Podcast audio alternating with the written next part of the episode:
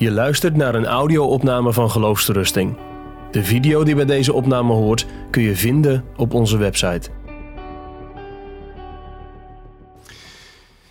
Bid je graag?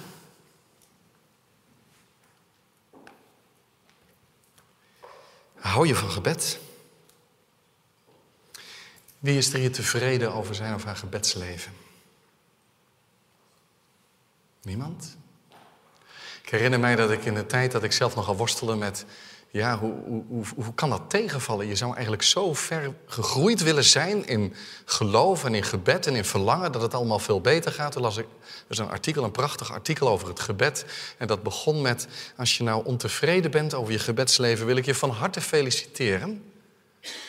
Want het zou misschien ook helemaal niet goed gaan zijn om te zeggen... Ik heb het onder de knie. Ik kan het allemaal goed. Ik ben dik tevreden. Ik kan een diep verlangen uitspreken dat je zegt, was ik maar dichter bij God. Ging het maar wat gemakkelijker om echt met de Heer om te gaan. In Romeinen 8, vers 26 staat dat wij niet weten te bidden zoals het behoort. En dat de Heilige Geest, die ook leert bidden, maar dat is ook de Geest die in ons bidt met onuitsprekelijke verzuchtingen. Je zou daarbij bijna kunnen denken van, daar zit ook iets in van, waar wij het maar niet goed onder woorden kunnen brengen en de juiste toon kunnen vinden, lijkt het wel alsof er haast een blik van verstandhouding is bij wijze van spreken tussen de geest en de vader. En dat het goed komt. Dat de Heer beter weet wat we nodig hebben dan wij onder woorden kunnen brengen. Wat is het geheim van vreugdevol gebed? Hoezo zou je graag bidden? Het geheim is dat we niet bidden als we praten wat tegen God aan. Het is ook niet een religieuze plicht. We moeten zo vaak en zo lang bidden. We moeten aan een bepaalde target halen in de week. Je moet toch wel elke dag twee keer bidden enzovoorts. En het kan ook belangrijk zijn, maar zo is het niet. Het is ook niet dat we bij God op het matje moeten komen. Elke dag. Ik ben wel eens bang dat de vreugde soms zo ver weg is, doordat er die kink in de kabel is gekomen, dat mensen denken, ik kan niet met vreugde tot God gaan, want hij roept mij op het matje en waar haal ik dan de vreugde vandaan? Het is de omgang met de hemelse Vader, die om Jezus wil onze God en Vader is. Het geheim van een gebed is ook dat er leven is. Het bidden is teken van leven. Misschien ken je dat Bijbelverhaal dat Paulus tot bekering is gekomen onderweg naar Damascus. Hij is blind en Ananias wordt naar hem toegestuurd en God zegt dan, je snapt dat Ananias zegt, ik kijk wel uit, je gaat niet naar zo'n christenvervolger toe, maar dan zegt God tegen hem, want zie, hij bidt. Dat vind ik altijd heel opmerkelijk, want ik denk dat Paulus heel vaak gebeden had. Het was een man van gebed, hij deed altijd zijn gebeden. En toch komt er een moment dat hij anders is gaan bidden. Of misschien moet je zeggen, nu is hij eindelijk echt gaan bidden. Nu hij vernederd is, nu hij geconfronteerd is met de levende God en met Jezus Christus. Nu is hij echt gaan roepen. Eerder dacht hij misschien dat hij alles onder controle had. Heeft hij misschien God wel gedankt? Ik heb je wat christenen mogen opsluiten. Wat geweldig dat ik dat allemaal tot eer van u mag doen. Maar nu is hij echt aan het bidden. Want zie, hij bidt. Je zou daarom ook wel kunnen zeggen dat ieder die gelooft ook bidt. Hoe zou je zonder gebed kunnen geloven? Er komt toch een moment dat, dat God, als hij met zijn genade naar je toe komt, om een antwoord vraagt en dat je daar echt mee gaat instemmen en zeggen, Heer, hier ben ik. Spreek tot mij, ik luister naar u. En zo geef je je ook in woorden in je gebed aan de Heer over. Je vertrouwt je aan Hem toe. Geloof heeft gebed nodig. En bidden wordt dan teken van leven. Als ik wel eens vraag aan iemand wat is eh, bidden, dan krijg ik vaak het antwoord terug: bidden is spreken met God. En dat lijkt mij een heel goed antwoord. We zeggen eigenlijk nooit spreken tot God. Maar zeggen ze eerlijk, je kunt dat wel zo ervaren dat je een beetje tegen God aan het aanpraten bent. Je spreekt tot God. Het is een monoloog. Je moet maar eens iemand betrappen op een gebed. Dat die hardop bidt. En die zit allemaal dingen te zeggen. En je hoort geen stem van de andere kant. Het is nog niet eens als een telefoongesprek waarbij de ene praat en dan even stil is. En je hoort wel niet wat er aan de andere kant wordt gezegd. Maar voordat je het weet, praat je je gebed vol. En het is dan eerder een monoloog eenrichtingsverkeer dan een dialoog. En toch zeggen we, bidden is spreken met God. En dat is belangrijk. Het is veel meer dan tegen God aanpraten of spreken tot God. Dat wil niet zeggen dat jij op een gegeven moment midden in je gebed maar even stil wordt en dan zegt, hoor ik al iets? En je zit te wachten op een hoorbare stem of zoiets en dat komt dan niet. En dan denk je, ja, wat moet ik nou? Toch maar weer verder gaan. En dat leer je dan wel af en dan praat je weer de hele tijd vol. En toch is het spreken met God. God spreekt ook. En je zou zelfs kunnen zeggen dat bidden is dat je antwoord geeft. Ik kom daar straks wat uitgebreider op terug. Maar dat bidden antwoord geven is op het spreken van God. Je zou zelfs kunnen zeggen, weet je wat nou verschil is tussen tegen God aanpraten, spreken tot God of spreken met God? Het verschil is dat je echt gelooft en beseft dat er een God is die, zoals Psalm 16, eh, zo mooi, 116 zo mooi zegt, zijn oor neigt. Heb je wel over nagedacht? Hij neigt zijn oor dat God zegt, hoor ik het? Zeg het maar. Heel uitnodigend, zeg het maar. En dat besef dat er een God is die luistert, echt luistert, dat besef zorgt ervoor dat het gebed spreken met God is. Dan kan je hart vol zijn van verwondering.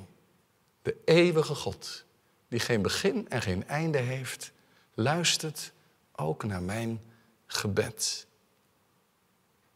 Het gebed is dus geen functioneringsgesprek wat je jaarlijks hebt en waar je misschien met lood in de schoenen naartoe gaat. Het zal heus wel goed komen, maar je moet altijd nog maar afwachten wat de leidinggevende van je vindt.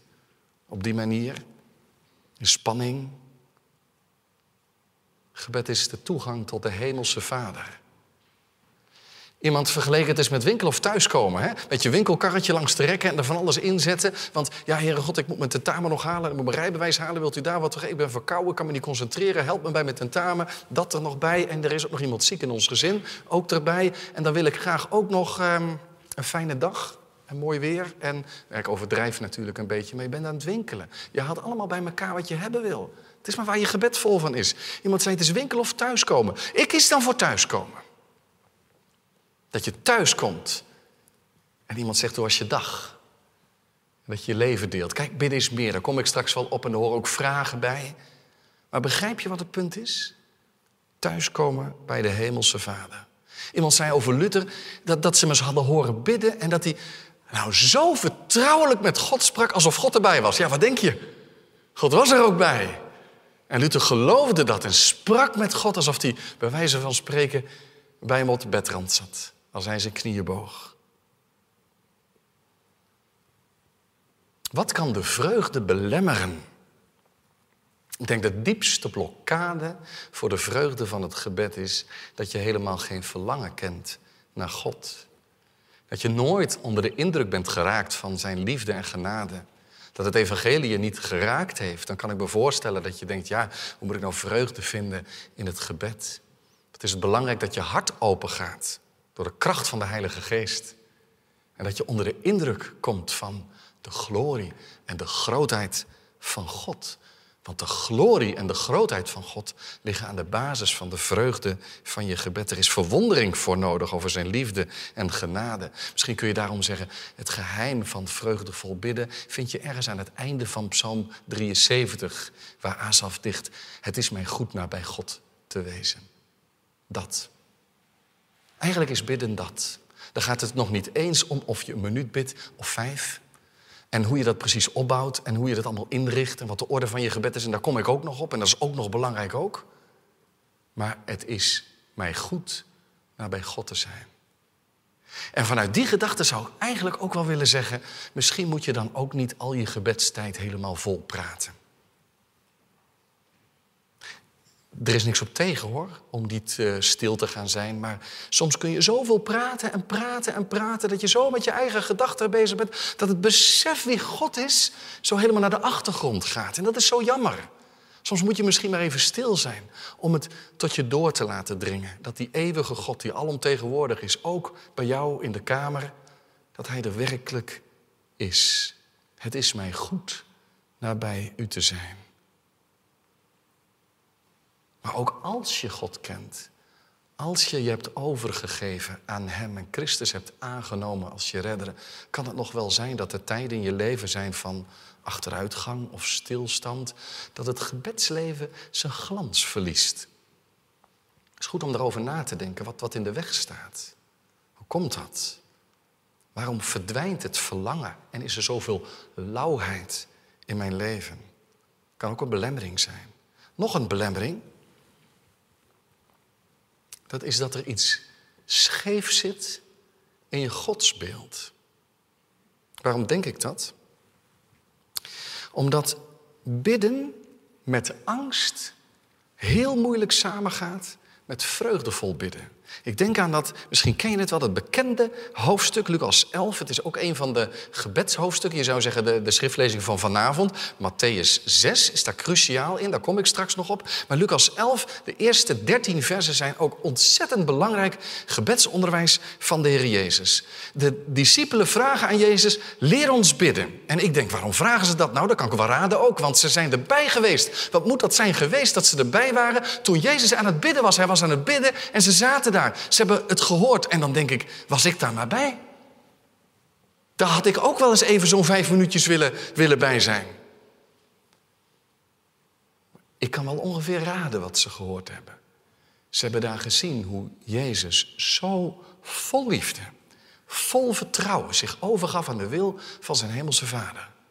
En dat hij bad om gehoorzaamheid en vreugde van gehoorzaamheid en standvastigheid. Wat een vertrouwen, wat een gehoorzaamheid en wat een liefde klonken er door in zijn gebeden. En dan is hij stil en dan zeggen ze, kunt u ons dat ook leren? Kunt u ons leren bidden, zoals Johannes toch ook zijn leerlingen geleerd heeft, kunt u ons ook leren bidden? En dan gaat Jezus hen, en dan komt het onze vader, daar kom ik nog op, dus dat laat ik nu even zitten. Dan gaat Jezus hen gebedsonderwijs geven. En nadat onze vader staat dan die, die bijzondere gelijkenis van die onbeschaamde vriend is een beetje complexe gelijkenis van drie vrienden. Eén krijgt een vriend zomaar midden in de nacht bij zich. En die denkt, ik heb niks meer in huis. Wat moet ik hem voorzetten? Maar die man is hongerig, die komt net aan, die moet wat eten. Maar ja, mijn vriend, twee deuren verderop, die, die, die, die had nog twee broodjes over. Daar moet ik dan maar naartoe. Maar ja, die ligt te slapen, zijn kinderen zijn. Hè, dat rammelt die deur en dan, dan liggen ze daar te slapen. En dat kun je eigenlijk niet maken, dat doe je niet. Dat, dat doe je echt niet. Dat is toch al behoorlijk onbeschaamd. En klopt toch maar zachtjes. En die vriend zegt, wat doe je zo laat in de nacht hier nog? En zegt, ja, mijn vriend is tot me gekomen. Ik moet hem toch wat voor Nu zegt Jezus, dat is toch op de grens van wat je kan maken? Onbeschaamd. Al zou hij hem niet geven omdat hij zijn vriend is... dan zou hij bijna met, met, met een mond vol tanden of met een open mond... totaal perplex over zoveel onbeschaamdheid... zou hij hem die broden geven. Wat zegt Jezus daarmee? Wat een enorme uitnodiging geeft Jezus hier namens zijn hemelse Vader door. Dat je op welk moment ook bij God kan aan en mag aankloppen. En dat je niet gauw te veel vraagt.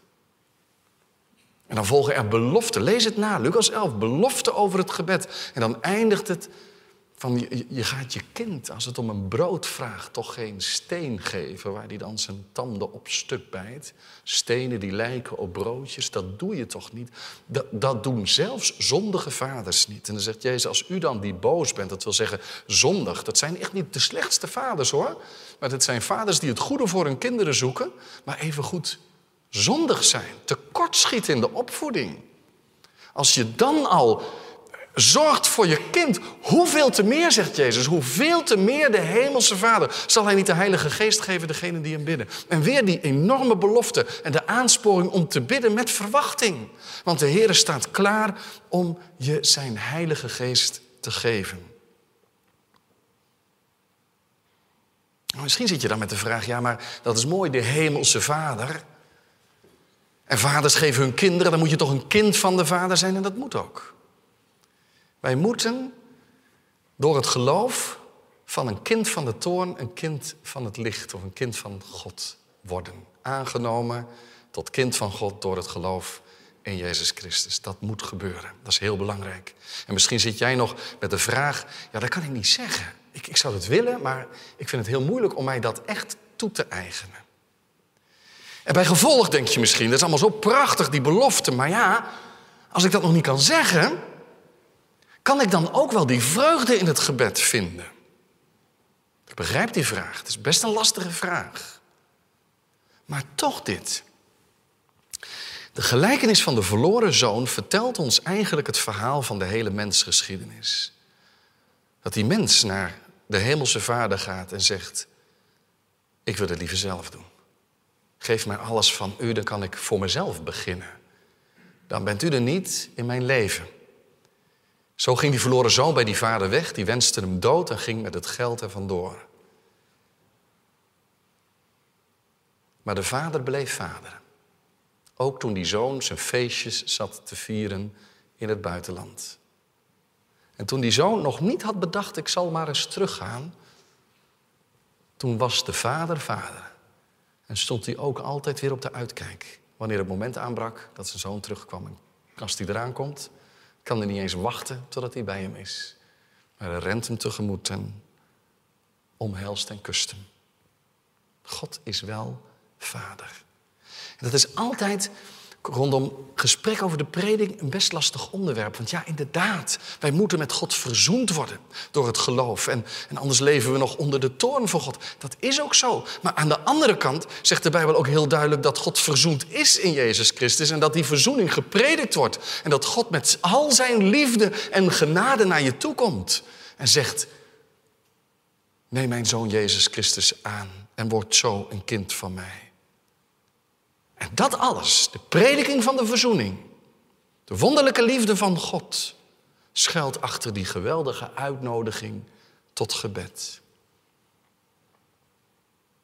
En daarom zou ik willen zeggen dat bidden eigenlijk nog meer antwoorden is op die liefde van God dan dat bidden vragen is. Heel vaak merk ik in gesprekken dat we bidden zien als ik vraag aan God is, we beginnen hier, hier beneden, op deze aarde, in mijn leven. Ik bedenk op een gegeven moment dat ik God nodig heb. Had ik niet. Ik dacht niet aan God. Maar op een gegeven moment komt een moment dat ik denk, ik heb God nodig. Dan ga ik bidden, Heer, ik wil u eigenlijk zoeken. Wilt u, zich eens, wilt u eens iets van zichzelf, van uzelf laten zien? Ik vind het zo moeilijk om in u te geloven, maar doet u als biedt een wonder in mijn leven. Kom eens even tevoorschijn. Ik heb wel van mensen gehoord die zeiden: Ja, ik was eerst onverschillig en toen ben ik echt gaan bidden. Ik wilde echt worstelen over het geloof. Ik wilde God eigenlijk leren kennen. Dat heb ik drie jaar gedaan. Maar ja, omdat God niks van zichzelf liet zien, ben ik ermee gestopt. Klinkt allemaal zo logisch en begrijpelijk. Hè? Maar we beginnen echt aan de verkeerde kant. We beginnen dan hier bij ons. Wij gaan iets zeggen tegen God. En dan verwachten dat God iets terugzegt tegen ons. Zullen we het omdraaien? God is de sprekende God. Toen niemand meer naar God vroeg, sprak hij Abraham aan. En Isaac en Jacob. En door de profeten sprak hij altijd het volk Israël weer aan, terwijl ze niet naar hem wilden luisteren. En in de volheid van de tijd zendt God zijn zoon, het woord van God, waarin God zich totaal en helemaal uitspreekt. God is de sprekende God. En in de kruisiging van zijn zoon openbaart hij zijn liefde. Opent hij de weg van behoud. Geeft hij verzoening. En God spreekt. God sprak voordat ik geboren werd. God sprak voordat jij geboren werd. op een gegeven moment krijgen we dat onderwijs een beetje binnen. En dan mag je gaan ontdekken dat God telkens tot je spreekt. Telkens als het woord van God opengaat en het evangelie wordt verkondigd, spreekt God. En dan word ik op een gegeven moment 15 jaar oud, 16 jaar oud, of 17 jaar oud, of 18, of ga maar door. En dan ga ik bidden. Dan kom ik eindelijk tot de ontdekking dat God spreekt. Dan zeg ik, Heer, wat een wonder dat u spreekt. En dan zegt de Heere God, met eerbied gesproken in de hemel, eindelijk. Dat werd tijd. Dat werd wel tijd. Ik heb zo lang aan je deur geklopt. Ik heb er geen erg in gehad. Ik heb zo vaak tegen je gesproken. Je had het niet door. Zie je, dat is tot, dan, begint het, dan begint het daarboven. Daar begint het. God spreekt. Dat is het evangelie van zijn zoon. God spreekt woorden van genade naar mensen toe. Wat is bidden? Daar heb je het wezen van het. Wat is bidden? Dat je tegen God zegt: Hier ben ik. Spreek, Heer, uw knecht hoort. Zo Samuel eens op goed advies van Eli deed. Spreek, Heer, hier ben ik, spreek Heer, uw dienstknecht hoort. En dan ga je amen zeggen op dat machtige evangeliewoord dat gepredikt wordt. Dan ga je de liefde van God omarmen. Je wordt verslagen in je hart. Je zegt, wat een wonder, kan het voor mij? En dan, dan laat je die prediking doorklinken. Die mag doorklinken tot in je hart. Ja, het kan voor mij. Want de prijs is betaald. We hebben een volkomen redder en zaligmaker. Bidden is meer antwoord geven dan vragen. En eigenlijk zie je dat ook in Matthäus 6, het gedeelte wat we al gelezen hebben, Matthäus 6, vers 5 tot 8. En ik denk dan vooral aan vers 7. Als u bidt, gebruik dan geen omhaal van woorden zoals de heidenen. Moet je je voorstellen, de heer Jezus zegt hierin tegen ons, let erop dat je niet bidt zoals de heidenen. Hoe dan wel? Als een kind. Want die heidenen denken dat ze door de veelheid van hun woorden verhoord zullen worden. Wordt dan aan hen niet gelijk, want uw vader weet wat u nodig hebt voordat u tot hem bidt. Zullen we het eens tegenover elkaar zetten? Wat is nou bidden als heidenen en wat is bidden als een kind? Weet je wat nou de kernpunt is van het bidden zoals de heidenen doen? Nou, Jezus zegt, dan gebruik je een omhaal van woorden of een veelheid van woorden. Begrijp me goed, als jij een heel uur wil bidden en je wil heel veel woorden gebruiken, dan heb je de Bijbel niet tegen je. Hè? Dat mag. Het komt er wel op aan hoe je het doet. Een heidense gedachte is, de heidenen denken, er is ergens een God en die hebt er niet zoveel zin in om naar mij te luisteren. Die moet ik eerst zover krijgen. Dus wat doe ik? Ik ga ontzettend goed bidden. Ik ga heel mooi bidden en goed bidden en lang bidden en ernstig bidden en overtuigend bidden, zodat God op een gegeven moment denkt, nou, dat is toch wel iemand die meent het behoorlijk serieus. En zo krijg jij het voor elkaar dat die God van jou, die er eigenlijk geen zin in heeft, er eigenlijk niet onderuit kan. En dat ligt heel dicht aan tegen wat wij zeggen. Ja, maar God laat zich verbidden. Je moet de hemel bestormen enzovoort. En dat moet je ook maar doen. En God laat zich ook verbidden. Maar de, de houding waarmee is van cruciaal belang. En om dat duidelijk te maken neem ik je even mee naar de Karmel... waar Elia staat tegenover 400 profeten van Baal. 1 Koningen 18. Ze hebben daar een soort wedstrijd. Een os op een altaar. En de God die vuur geeft uit de hemel, die is echt God. En dat zou Baal moeten kunnen, want dat zit in zijn repertoire, zeiden ze. Dus het is niet vreemd. En ze krijgen de voorsprong, zij mogen beginnen. Ze beginnen te bidden met z'n 400, hè, kun je je voorstellen. Er zit beweging in, ze draaien rondjes om dat altaar en ze bidden en ze bidden. Ze zijn niet klaar met vijf minuten, hè. ze gaan door, een uur verstrijkt, twee uur verstrijkt. Elia staat op en zegt, die steekt de draak met ze. Zegt, hij slaapt, moet harder roepen. Hij zit misschien op de wc. Ja, dat staat niet in je vertaling, maar als je goed vertaalt staat het er ongeveer wel. Of hij zegt hij is met vakantie. Zo begint hij echt te spotten. En dan denk je nou, ze maken, ze maken hem een kopje kleiner. Ze zullen woedend op hem zijn. Maar nee hoor, hij legt gewoon de vinger bij de zere plek. Eigenlijk geloven ze het. En ze doen er nog een schepje bovenop. En ze bidden en op een gegeven moment pakken ze priemen. En ze krassen zichzelf. Ze zitten onder het bloed. En in extase springen ze tegen dat altaar op. Dat is hij dus bidden. Nu begrijp ik ook wel dat jullie dat niet doen zo. Dat wij die neiging niet zo heel hard hebben en dat moest ook maar zo blijven. Maar begrijp je het punt?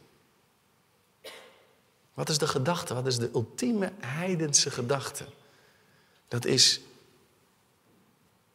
ik moet met mijn serieuze gebed, met mijn goede gebed, met mijn vrome gebed, met mijn nederig gebed. Als ik nou goed doe en aan al die voorwaarden voldoe, ja, dan kan God eigenlijk niet omheen. En dan ga je met de veelheid van je woorden, met een omhaal van woorden, met mooi bidden, probeer je God aan je kant te krijgen. En Jezus zegt, dat is heidens bidden, moet je niet doen. Wat is bidden als een kind? Bidden als een kind is bidden in geloof, in vertrouwen. Dat die hemelse vader, geloof je dat echt? Dat er een hemelse vader is die weet wat je nodig hebt voordat je tot hem bidt? Je hoeft hem niet in detail te informeren. Maar als ik dat dan wil, dan moet je dat wel doen. Ja, dan mag dat wel. Dan mag je zoals een kind die thuis komt van school alles vertellen wat er gebeurd is. Dan mag je alles, en dan mag je het nog een keer doen, en dan mag je het herhalen. En dan mag je hem als een waterstroom aanlopen, zoals een psalm zegt. Dat is natuurlijk prachtig, hè? Het gutst maar door. En zo mag je ook ergens je hart voor God uitstorten. En als je de dingen drie keer zegt, is het goed. En als je de dingen zeven keer zegt, is het ook goed. Maar de manier, is, de, de manier waarop is wel belangrijk. Om maar even heel scherp te zeggen, je kunt in ongeloof drammen. Of in geloof je hart voor hem uitstorten. Wat is het verschil? Dat in dat drama er eigenlijk niks geen geloof zit. Dat er een hemelse vader is die echt klaar staat om je alles te geven wat je nodig hebt. Heidens bidden is ten diepste ongelovig bidden. God is niet goed. Ik moet hem zover krijgen dat hij toch maar de hand over zijn hart strijkt. Maar de hand over zijn hart strijken, het evangelie van onze Heer Jezus Christus wordt verkondigd. Geef de Heer de hand, zegt hij. En bid als een kind. Hij weet het. Daarom kun je ook zo kort bidden. Zeg als iemand tegen me, ja, maar als ik bid dan val ik in slaap. Ik zeg, dan bid je te lang. Ik val ook wel snel in slaap, maar zo snel? De Jezus leert onze Vader bidden. Het volmaakte gebed, hoe lang duurt dat? Halve minuut. Heerlijk om langer te bidden. Maar je hoeft echt niet in slaap te vallen onder je gebed. Bid dan korter en krachtiger als een kind en spreek je vertrouwen uit in je hemelse vader. Geloof je dat hij beter weet wat jij nodig hebt dan dat je dat zelf weet? Het is cruciaal voor de vreugde van het gebed. Dat je niet bidt zoals de heidenen, maar in diep geloofsvertrouwen. Nou, eigenlijk wat ik tot nu toe gezegd heb, dat raakt precies waar het in het Onze Vader over gaat. Als de discipelen dan tegen Jezus zeggen, leer ons bidden, dan zegt de Heer Jezus heel eenvoudig, als jullie dan bidden, bid dan zo. En dan leert hij ze het Onze Vader, het volmaakte gebed, wat je letterlijk kan leren, letterlijk kan bidden als je eens een keer geen woorden hebt of zo. Maar waar ook heel veel lessen in liggen voor je gebed, zodat je het niet letterlijk nabidt, maar dat je ondertussen wel denkt, hé, hey, als de Heer Jezus deze dingen belangrijk vindt voor het gebed, vind ik deze dingen dan ook belangrijk in mijn gebed? Als ik nu eens, als jij nu eens het gebed van vanmorgen of van gisteravond, zou je het even willen uitschrijven? Zou je het nog weten, je gebed? En leg dat nou eens naast het Onze Vader. Zijn de dingen die Jezus belangrijk vindt, dezelfde dingen als die jij belangrijk vindt in je gebed? Wat bedoel ik? Het begint al bij de aanhef van het. Hoe spreek jij God aan? De Heer Jezus zegt, als je bidt, zeg dan onze Vader. Weet je ook direct dat je niet alleen bent? Je bidt in gemeenschap van de hele kerk. De bruid van Christus bidt, jij ook. Jij mag meedoen. Onze Vader. Met dat woordje vader wekt hij vertrouwen en tegelijk is hij zo hoog, verheven en heilig, vol van glorie, u die in de hemelen zijt. En dan is het gebed heel eenvoudig ingedeeld. Uw, uw, uw. Daarmee begint het. Drie keer uw. Dus niet zoals wij dan zeggen van, oh, ik, heb, ik moet bidden, ik heb heel veel, veel vragen. En die, die vragen staan allemaal te dringen om voorrang. Mag ik eerst, mag ik eerst? Maar in het Onze Vader blijven alle vragen rusten. Uw, uw, uw, uw koninkrijk komen. Uw wil geschieden. Uw naam worden geheiligd. Bidden is verlangen. Verlangen naar de glorie van God. Waarom bid je? Om van alles te krijgen? Ik mag hopen van niet. Bidden is om God te ontmoeten, te aanbidden. Het begint met de lofprijzing. En het eindigt ook nog eens met de lofprijzing. Want van u is het koninkrijk, de kracht en de heerlijkheid tot in eeuwigheid. En daartussen, daar komen de vragen aan de orde. Vragen voor het dagelijks brood, het hele leven, alles wat je echt nodig hebt. Maar ook uh, dingen die het geestelijke leven betreffen, als vergeving van zonde en niet in verzoeking geleid worden. Maar op het moment dat je dan bij de vragen komt, Heer, dit heb ik nodig, dit heb ik nodig. Maar, dan komen die vragen al in een heel ander licht te staan. Eigenlijk zou je kunnen zeggen, dan, dan bid ik, Heer, geef mij heden mijn dagelijks brood. Om daarmee te kunnen leven tot uw eer, om uw wil te doen. Om uw koninkrijk te zoeken, om uw naam te heiligen. Daarom. En dus als ik ziek ben en ik vraag om genezing, dan mag je doen. Zeker als het water aan de lippen staat. Het is heel moeilijk en je hebt pijn, dan bid je om genezing. Maar, maar dan leer je tegelijk, Heer, hoe komt u aan uw eer in mijn leven?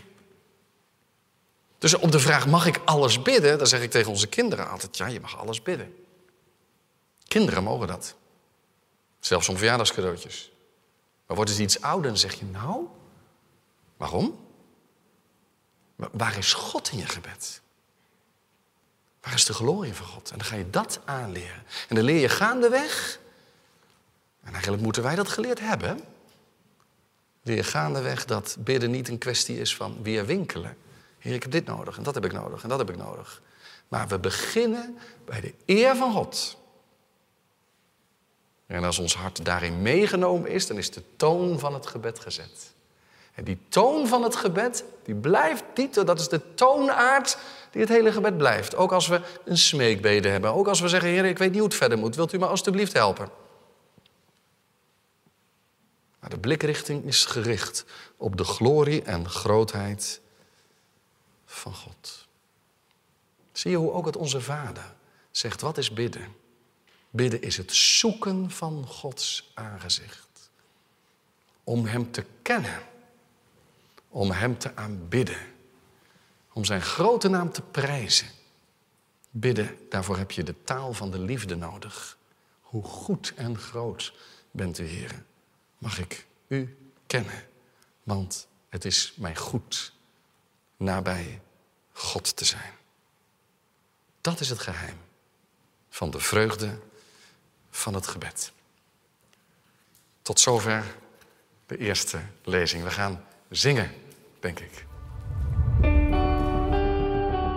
Je luistert naar een podcast van Geloofsterusting.